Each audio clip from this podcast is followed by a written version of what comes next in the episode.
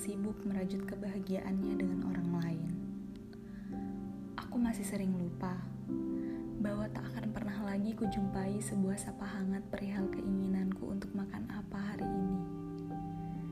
Dan aku pun masih tetap senang mengingat segala apa pun yang berkaitan dengannya.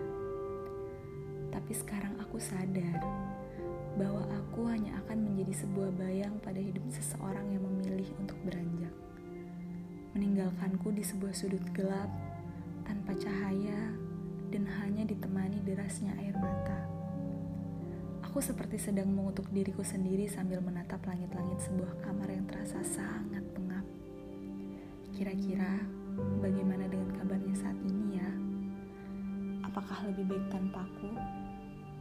Atau sebaliknya? ia tetap baik-baik saja.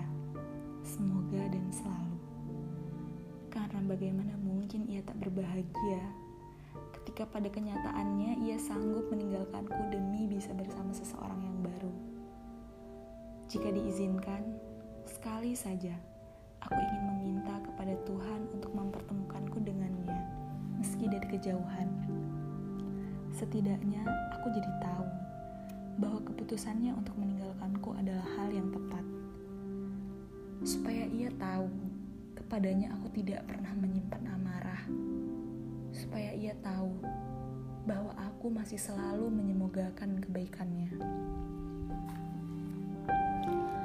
Aku tidak pernah bersumpah serapah agar keburukan menimpanya. Tidak.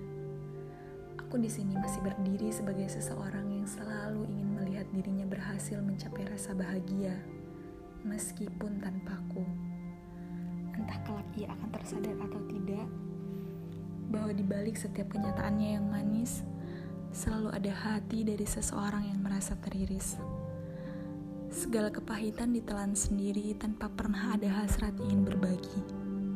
Namun, aku pun harus segera sadar dan bangkit dari rasa terpuruk yang berkepanjangan bangkit dari sebuah rasa yang pernah begitu hebatnya menghukumku dengan ketidakrelaan akan kehilangan.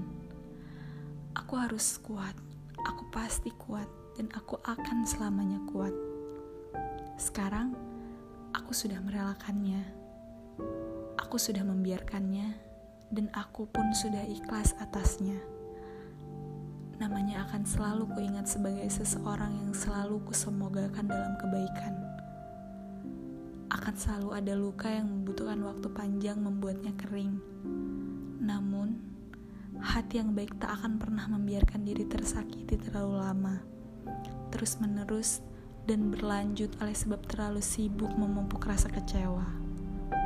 Karena sejatinya hanya orang-orang kuat yang mampu sembuh tanpa meninggalkan sebuah dendam.